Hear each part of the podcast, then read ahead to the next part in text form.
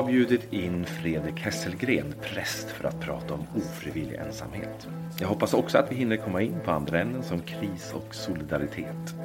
Välkommen till Vardagsprat, en del av ABF Agera, ABF Gästrikebygdens digitala scen för folkbildning och kultur.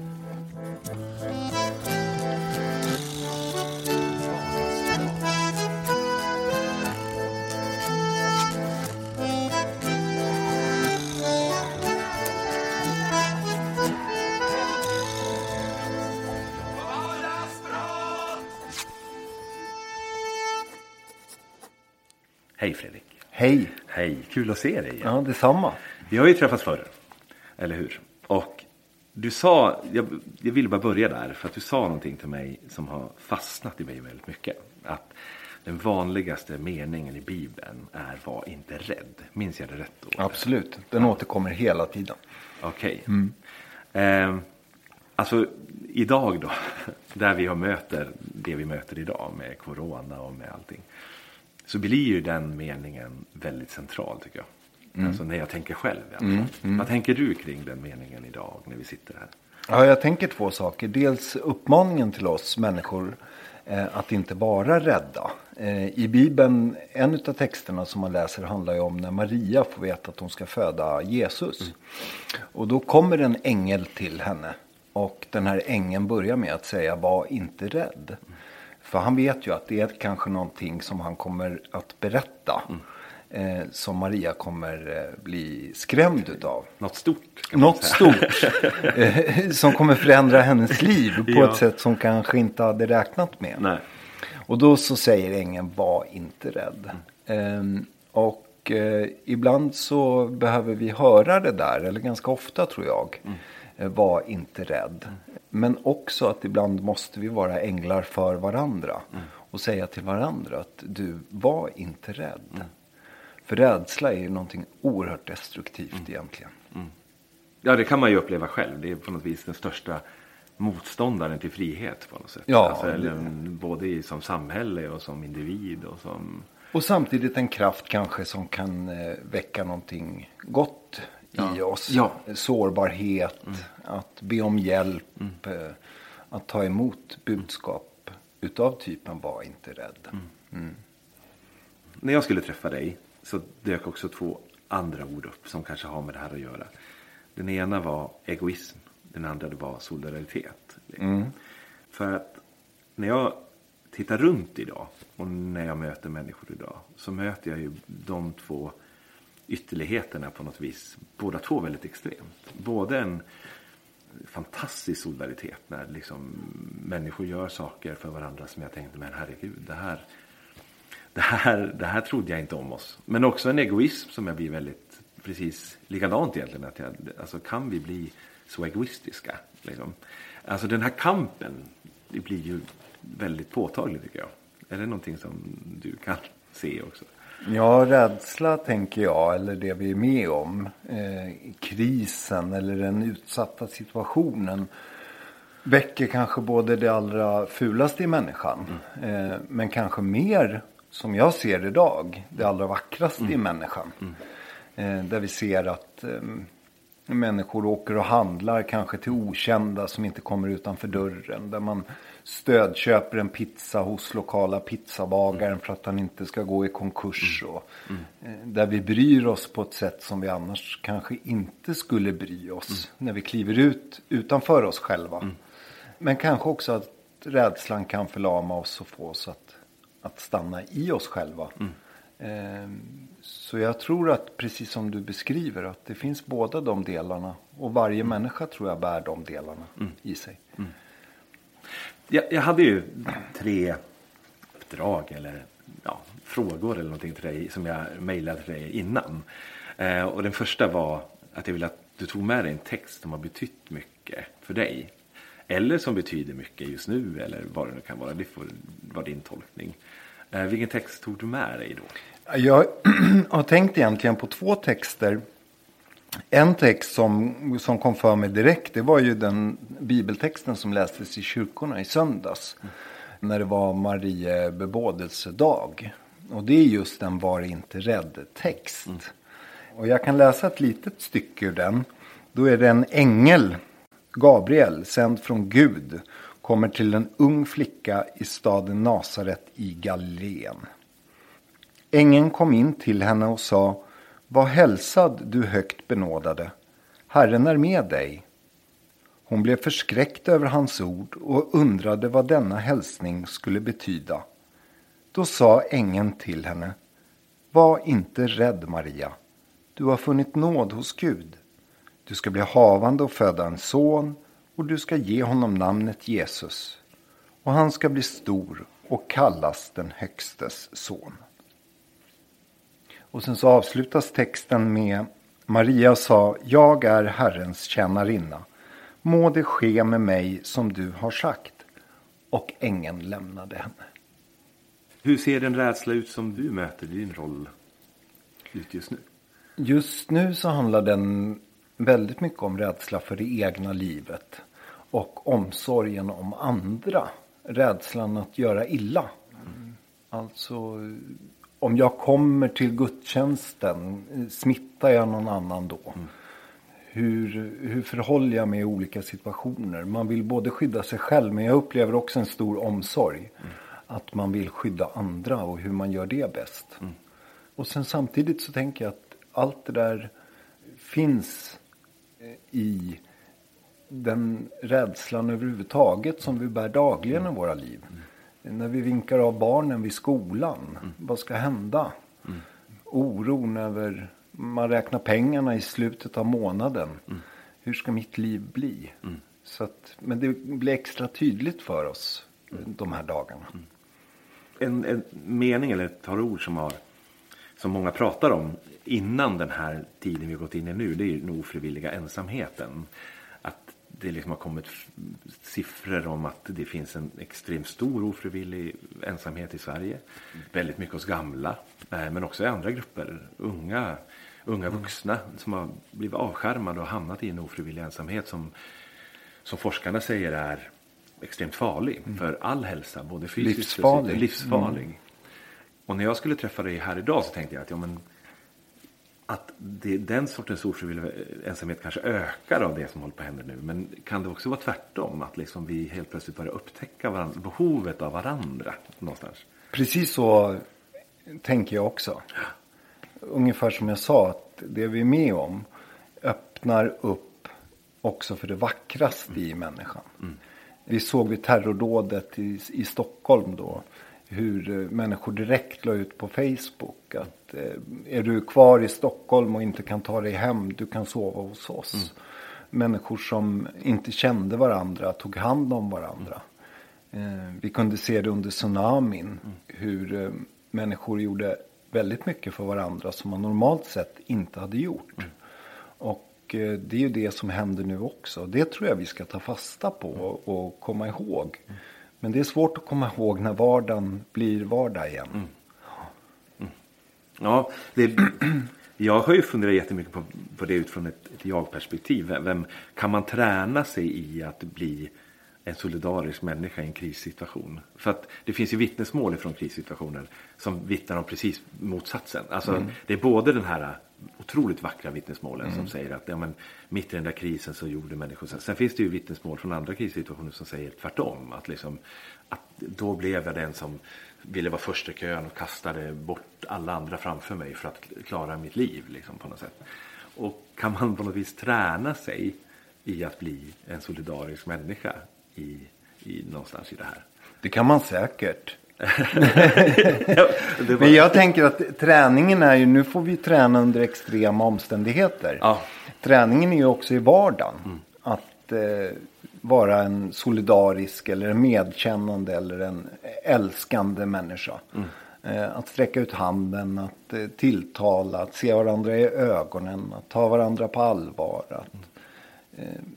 Att bry sig. Mm. Och då tänker jag att då följer det också med en in i i den extraordinära situationen. Just det. Men det är ju som med all träning. Det är ju inte gjort på en, en gång eller två gånger. Mm. Det tar ju ett tag att lära sig det språket. Mm. Och det tror jag vi försöker stava på alla människor Just. hela livet. Mm. Då kanske det är tanken vi ska träna också. Alltså apropå bildning. Ja. Eh, att man kan bilda tanken så pass mycket så att man kan tänka, ha möjligheten att tänka rätt. Alltså förstår du vad jag menar? alltså att om jag ser någonting som irriterar mig eh, av något slag och så kan inte jag få tag i den känslan. Men om jag bildar mig så kanske jag förstår vad som irriterar mig. Och som gör att jag kan gå bortom den och kanske bli mer solidarisk. Förstår du vad jag menar? Man kan ju träna på sina utgångspunkter och Ja. öppna upp för det, tänker jag. En sån eh, som jag tänker ofta på det är att alla människor har sitt. Den öppnar väldigt ofta för mig en, en större förståelse. Att varje människa bär sin historia som jag inte vet någonting om. Och som är bakgrunden till att den människan gör som den människan gör. Men om jag kan tänka att, att hon har sin ryggsäck. Eller han har varit med om det här. Då får jag mycket mer förståelse och kan möta den personen på ett mycket bättre sätt. Ja just det, det var någon föreläsare som sa det första han hade kommit på när han hade börjat sin bildningsresa var att, han, att inte han själv var centrum av allt. Det Nej. var liksom första upptäckten. Nej, ja. Alltså att det, det pågår liksom. Och så är det ja. Eh, det var ju därför när man sa att, att eh, solen var universums centrum. Det var ju en del som blev rätt ledsna och besvikna över Ja, den ja. upptäckten. ja, det är sant. Eh, jag gav dig två andra uppdrag att tänka på också. Det ena var ett rent vardagstips. Alltså ett, ett vad gör Fredrik när han fyller sin ensamhet eller när han fyller sin vardag med någonting. Alltså förstår du vad jag menar med den egentligen? Ja, både och. Ja, Det är klart att det finns ensamma stunder i, i varje människas liv och i mitt också. Jag tror att en del ensamhet är ju god. Jag personligen har ett ganska stort behov av att få vara ensam, att få vara tyst, att få ägna mig åt det som är mitt. Men eh, i mitt liv finns det ju också den ensamhet som är svår eller som jag inte har valt själv. Och eh, då handlar det ju om att kämpa för att ha kontakt med andra människor till exempel. Eller stundtals också att stå ut. Eh, Ibland är ju livet, det finns en sentens som jag tycker jättemycket om. Som låter ungefär eh, eh, Sometimes even to breathe is an act of bravery. just ja, det. Så tänker jag. Ja, det kan jag känna igen. Att det här med, Ibland kanske jag ska vara stolt över att jag orkar resa mig upp den dagen. Ja. Alltså, Ja. Att det får bli segern just den dagen. Ja. På något vis. Medan andra dagen så kanske inte motståndet är så stort så att då kanske man ja, tar en steg, flera steg än det. Och sen vara snäll mot sig själv. Ja, Och det är ju, det är ju lätt Ja. att säga. Och ganska svårt att göra.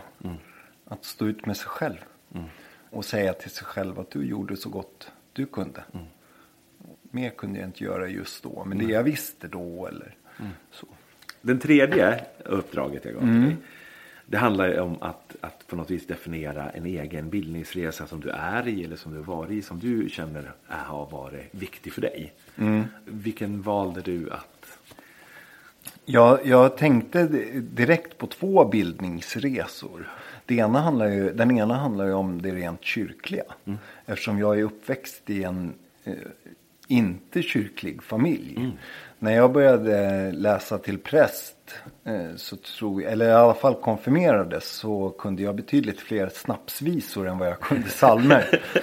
och, eh, så, så det är en värld som jag har fått lära mig, så att säga, och erövrat och gjort till, eh, blivit en del av den världen. Så det är en bildningsresa. Och sen så Kan du, kan du ge mig mer om den bildningsresan? Den, den måste ju varit hur stor som helst. Från att inte veta någonting. Nej men jag tänker att, att för där känner jag igen mig lite grann Mm. där du började. Jag kommer ihåg min farfar sa till mig att du får gifta dig med vad- vem du vill. Bara om du inte är troende Mm. eh, eller centerpartist och så var det något tredje. Mm. Och, eh, och så sa han också det att du måste komma ihåg att gå ur Svenska kyrkan. Det var liksom de Ja. Mm. grejerna han gav till mig. Där började jag. Och det, kändes som att du också någonstans hade börjat där. Men jag har ju inte mött Gud eller jag har inte gjort den resan. Men du, du, du har ju gjort den på något sätt. Då, ju. Ja, jag hamnade i den resan. Kan du inte berätta lite om den resan? Ja. ehm, Är det uppenbarelsen eller är det? Nej, nej, nej. Utan Nej. Det, det, är en, det är verkligen en resa. Ja. Som började för mig vid konfirmationen. Ah. Och jag blev medlurad på ett konfirmandläger. Så enkelt var det. Eh, Det var en kompis mamma som inte ville att han skulle åka på läger själv. Och eh, frågade mig om jag ville åka med. Och jag gick hem och sa jag ska åka på konfirmationsläger. Ja, sa mamma, gör det du. Och så gjorde jag det. Och sen så var det liksom kört med det. Och eh, jag fortsatte i kyrkan som ungdomsledare och allt möjligt. Och skulle kliva av och börja läsa juridik. Vilket jag också gjorde. Och hade läst en termin när jag ryckte in i lumpen. När jag började tänka på att jag ville bli präst. Men hoppades väldigt intensivt på att det skulle gå över. För det skulle ju vara lättare att gå den här juristbanan. Och, ja, bli en duktig advokat eller åklagare eller att tjäna massor med pengar och göra alla glada.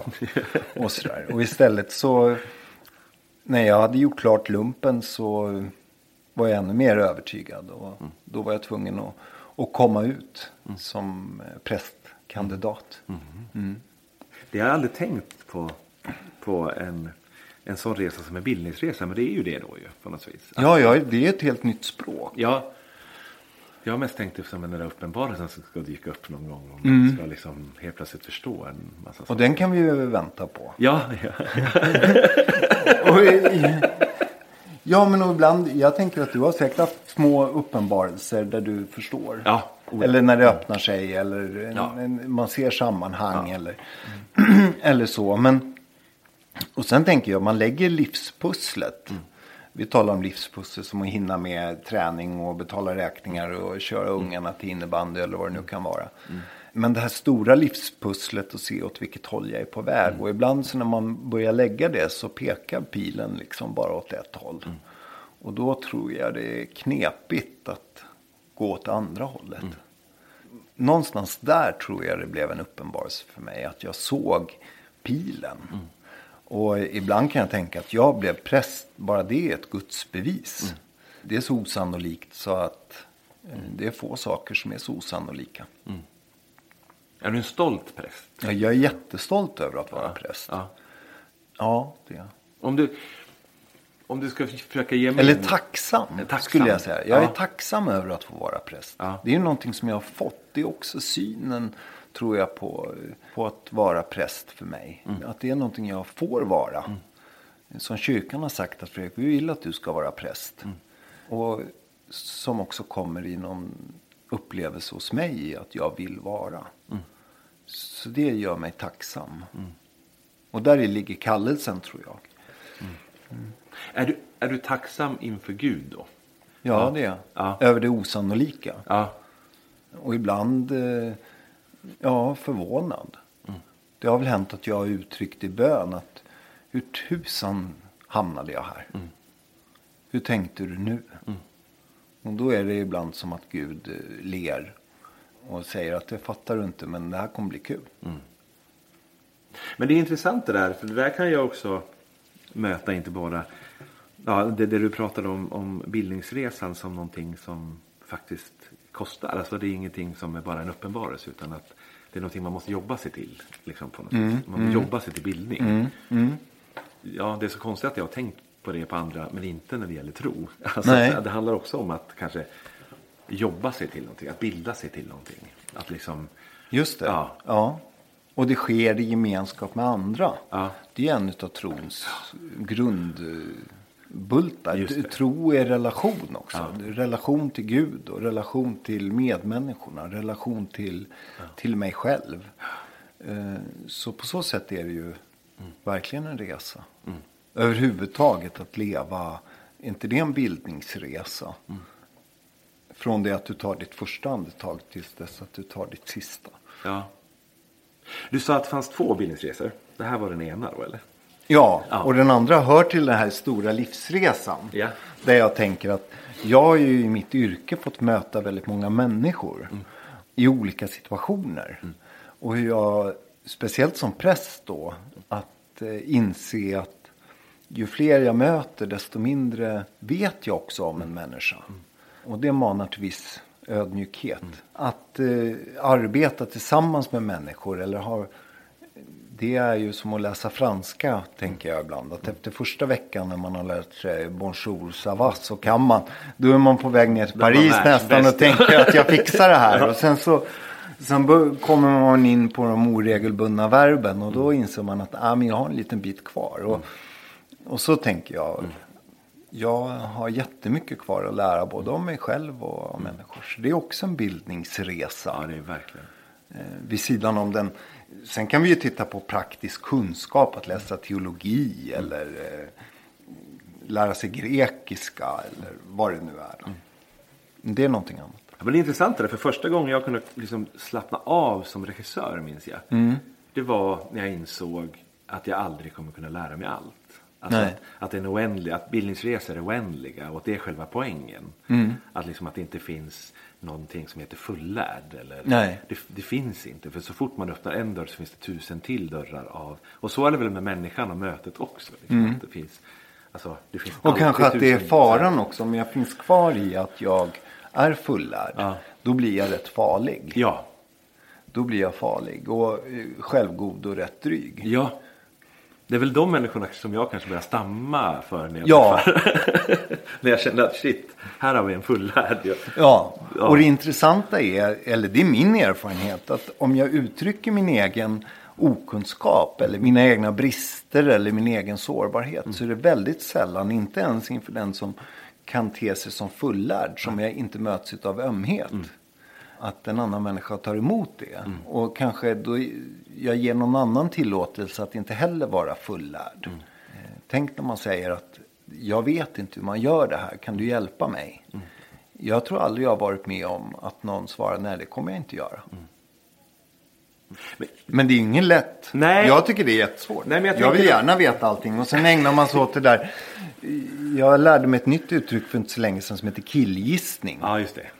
Eh, som gäller framförallt män då. Ja. När män inte har en aning om någonting så då drar man till med något för att inte... För att låtsas ja, för att låtsas att man vet allt. Ja. Eh, och träna på att hålla tillbaka killgissningarna. Jag läste någon annanstans också om att, att vi i Sverige är sämst i världen på att ställa frågor. För att vi ska låtsas att vi redan kan. Just det. Att det till och med på universitet är Ja. ett problem. För att vi inte riktigt... Och då tänkte jag väldigt mycket på, ja, när jag till exempel var på Riksteatern i många år. Så minns jag nu att jag ställde fan inte en fråga under alla de åren. Liksom. Nej. Utan jag var helt upptagen med att, att låtsas kunna allting. Liksom. Och det är... Det, Mm. Hur är det i ditt yrke? Då behöver du också frågan som någon slags grund. Ja, Ja. det är liksom, det den är grunden. Mm. Någonstans. Men det är, samtidigt finns det ju ett tryck utifrån också väl. Att kunna, kunna det. Att inte, eller att vara tydlig. Att vara, alltså, att, att så fort vi börjar närma oss ett samtal som inte har ett perfekt svar. Så kan det också förvandlas till att man, att man blir en flummig en som inte räknas på något sätt. Förstår du vad jag menar? Kan du uppleva det i ditt yrke då? Att liksom att, att när inte du kommer med de här självklara svaren och, och sådär. Att det, att det finns ett krav på dig. Att jo men du, du, måste, du är ju präst, du måste väl ändå ha svaren. Liksom. Inte så ofta, men det händer ju. Jag var sjukhuspräst under en period. Och då, då kom det oftare den frågan eller det påståendet att varför hände det här? Ja. Vad är meningen? Ja. Det borde väl du veta. Ja. Men det vet jag inte. Nej. Nej, för när jag, när jag frågade några kompisar vad de ville fråga dig. Liksom, så här, då var det de frågorna som kom upp. Be honom förklara det här utifrån vad Gud vill. De här otroligt liksom, är vi på väg mot undergången nu? Ja. Och, skulle jag förstå det, då skulle inte jag vara här, utan då skulle jag ju vara Gud. Ja, ja. ja just det. Så tyvärr, jag, jag blir det svaret skyldig. ja, eller hur? Jag kan inte det. Nej. Men om vi, om vi bara kliver in i din roll som präst. Då, liksom. Alltså om du skulle sätta ord på den rollen. Eller sätta ord på det du gör. Liksom för mig som, som finns utanför. För att jag ska förstå. Eller att, eller kanske bara för dig själv. Vad, vad är din roll? Tycker du? Är det svår? Ja, det är jättesvårt när du beskriver det så. Rollen. Eller är det kanske Min, min, uppdrag? eller all, det- när man talar om uppdraget så handlar det ju om att förkunna evangelium, säger man. Mm. Och förvalta sakramenten.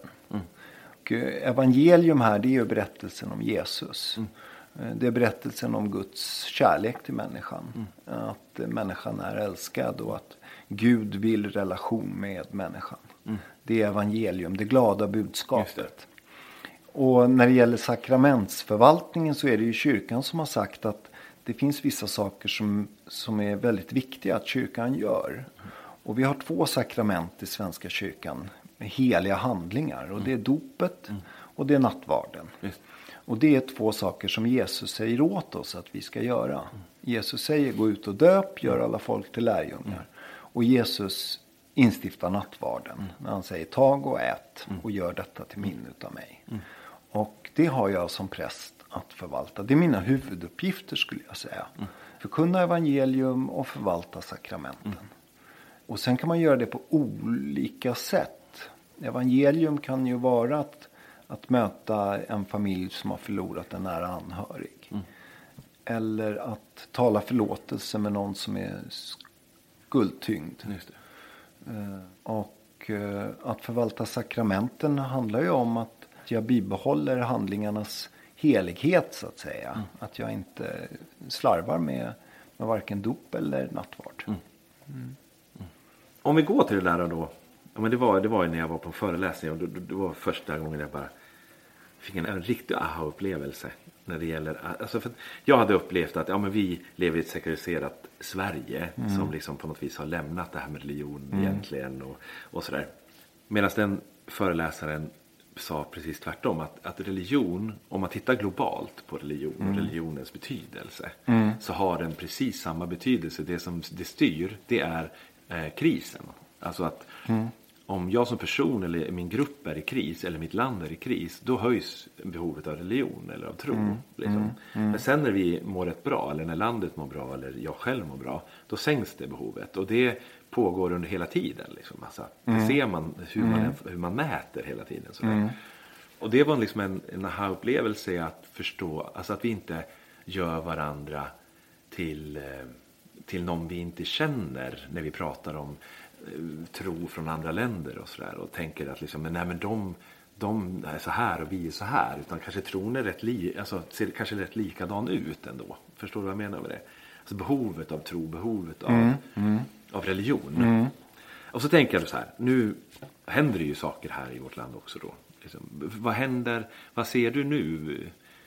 Vad, har du sett, vad, vad, vad har hänt i, i er församling eller, eller runt din kyrka? Vad är det som, finns ett ökat behov? Vad är, vad är det som händer hos er nu? Ja, både och. Det, den här rädslan smyger sig ju in i kyrkan också. I så att säga församlingen. Det som är församlingslivet. Att hur skyddar vi våra medmänniskor? Hur eh, tar vi hand om, om varandra på bästa sätt? Samtidigt som behovet av andlighet och behovet av tron också gör sig tydligt. Så det är samma dubbla rörelse där. Omsorgen om varandra och det priset jag får betala i den omsorgen. Och sen samtidigt det här behovet utav att få uttrycka sin rädsla eller att vända sig mot någonting som är större än vad vi själva är. Eller lägga någonting i, i det jag kallar för Guds händer. Just det. Vi här på ABF, när vi sitter, vi har ju också den här utmaningen Ja. utifrån ett bildningsperspektiv. Men jag tänker att hur möter ni den här utmaningen? Som vi har valt att göra just nu så är det ju att upprätthålla det som är vår grundläggande uppgift. Och det är det ju att fira gudstjänst. Och sen så håller vi kvar dop, vigslar och begravningar. Det är liksom fokus. Det, det vill vi ska fungera. Och sen samtidigt arbeta med det som vi kallar för diakoni. Alltså att vi, vi finns till för andra människor. Och ser andra människors behov. Och de vägarna hittar ju, de sätten blir nya också. Hur eh, kan vi jobba med kontakt med den som är isolerad nu. Som kanske har varit en del i en verksamhet som vi har varit tvungna att stänga. Hur firar vi gudstjänst utan att det finns risk eller minimera risken i alla fall för att man smittas eller smittar. Och, Men pratar ni om digitala gudstjänster? Absolut. Ja, gör ni det också? Ja, eh, i, jag vet inte hur långt. Jo, men det finns i alla fall eh, början till det i Gävle pastorat. Om du går in på Facebook och, och kollar på kyrkor eh, så finns det hur mycket som helst. Mm. Man har små andakter och sångstunder och så. Mm. Eh, Och Svenska kyrkan har ju till och med en särskild präst som jobbar på kyrkokansliet tror jag. Mm. En nätpräst. Men eh, jag... Vilken är din största rädsla? Oj. Vad är du rädd för? Ehm, Men den pendlar nog hela tiden. Från den här eh, djupa rädslan som handlar om existens. Bara, liksom, och som handlar både om min existens och när jag tittar på mina barn. Eller när jag tittar på... Eh, och sen pendlar det mellan alltså, när, alltså, hur mår demokratin efter att vi är färdiga med den här resan? Alltså, hur mår det vi har strävat efter? Vi har strävat efter att bygga upp en, en slags stark demokrati och en välfärd och en, en, en, ett samhälle som ska inrymma så många människor som möjligt. Och, och så här. Vad händer, om vi, vad händer efter det här? Det är också en så här stor rädsla som kommer över. Efter, våra, Ja, men det- efter det mänskliga livets slut eller efter Nej. corona? Efter coronan pratar jag om nu. Nu är det väldigt akuta rädslor. eh, väldigt akuta rädslor. Så, så är det väl där på något vis. Och sen också på något vis, ja men det här rädslan över det här alarmet som går hela tiden. På något sätt. Att det måste till en stor trumma i allt för att man ska hinna synas och gillas på något vis. Att vi liksom, vi måste få plats med små trummor också. Och, och få plats med... Eh, eh, vi måste lita på varandra och lita på varandras kunskap lite grann tror jag. Det är jag också rädd för. Att människor slutar lita på någon annan människa som har ägnat lite mer tid åt saker. Att, liksom att det måste finnas en tillit till varandra i det på något sätt. Annars tycker jag det också blir rasism. Så det finns många så här rädslor man kan gå in i, i det här. Men en grundläggande handlar väl om existens. Alltså att ja, där det når, når, når till sin egen eller sin barns eller, eller världen eller, eller ja, allt det där. Liksom den existensen. Liksom. Ja. Hamnar du i det också? eller hur ser din rädsla ut, din personliga? Jag tänker, ibland, när det gäller den situationen som vi är i nu. Så kan jag bli mer rädd för rädslan. Ja. Eller det som drar igång. Ja. Och just den destruktiva delen av rädslan. Att, att det hindrar oss från att vara människor. Eh, Att den här rädslan ska få oss att bli kärlekslösa. Det, det kan jag bli rädd för. Ja, Samtidigt som jag ser den här motvikten. Jag tycker att jag blir påmind hela tiden om den andra. Och hur det vackra kommer fram i människan. Men, men det som skrämmer mig med det här. Eh, är nog mer åt det hållet. Jag bekymras ju väldigt lite över min egen död till exempel. Jag kan ju känna oro för barnen och det samhälle som de ska växa upp i. Och, och så. Men, men mer rädslan över rädsla. Jag tycker du sätter jättebra ord för det. Alltså, det var där jag sökte efter lite grann i det här. Att jag började prata om det här när, ja, men när de här situationerna kanske eh, lockar fram en vacker solidaritet. Men det lockar också fram någonting annat. Som, som jag också blir rädd för. Eh, där vi liksom inte orkar. Så, eller, eller har möjlighet att vara människa som du säger. Eller möjlighet att vara medborgare som jag kan tycka är ett vackert ord. Alltså medborgare med Medmänniska. medmänniska. Det är ganska ja, bra men en medmänniska som både har skyldigheter och rättigheter. Liksom. Eh, som gör att vårt samhälle funkar också att en demokrati funkar på något vis. När vi tar det ansvaret. Det, ja, men där ligger nog också min största rädsla tror jag. Och då är vi ju tillbaka i det vi började tala om. Ja. Eh, en ganska snygg avrundning. Ja. Var inte rädd. Ja. Att säga det till sig själv och, och säga det till andra. Att Utan att det blir rädd. provocerande. Ja, För den meningen kan ju också bli väldigt provocerande. Om, om jag säger det till någon människa, men var inte rädd. Alltså det skulle också kunna bli en jätteprovokation. ja absolut. Jag har all rätt att hata och vara rädd just nu. Ja. Jag har all rätt Jag är att... rädd ja. Ja, jag är ju för Man kan säga någonting i stil med Du behöver inte vara rädd. Det där kan man ju tolka. Ja, ja, man kan Var tolka inte det. rädd Ja. och jobba med. Ja. Men om, om vi bara ska sätta dig ännu mer i tydligt. Vad, vad, vad, vad, vad finns du annars? Och vad, vad, eh, du är präst berättade jag i början. Jag är präst, församlingsherde i Heliga Trefaldighets församling Ja. i Gävle pastorat.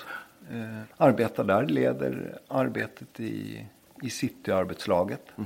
Och firar gudstjänst i Heliga Trefaldighets kyrka och i Thomaskyrkan. Och Döper, viger och begraver. Och är tillsammans med mina medarbetare.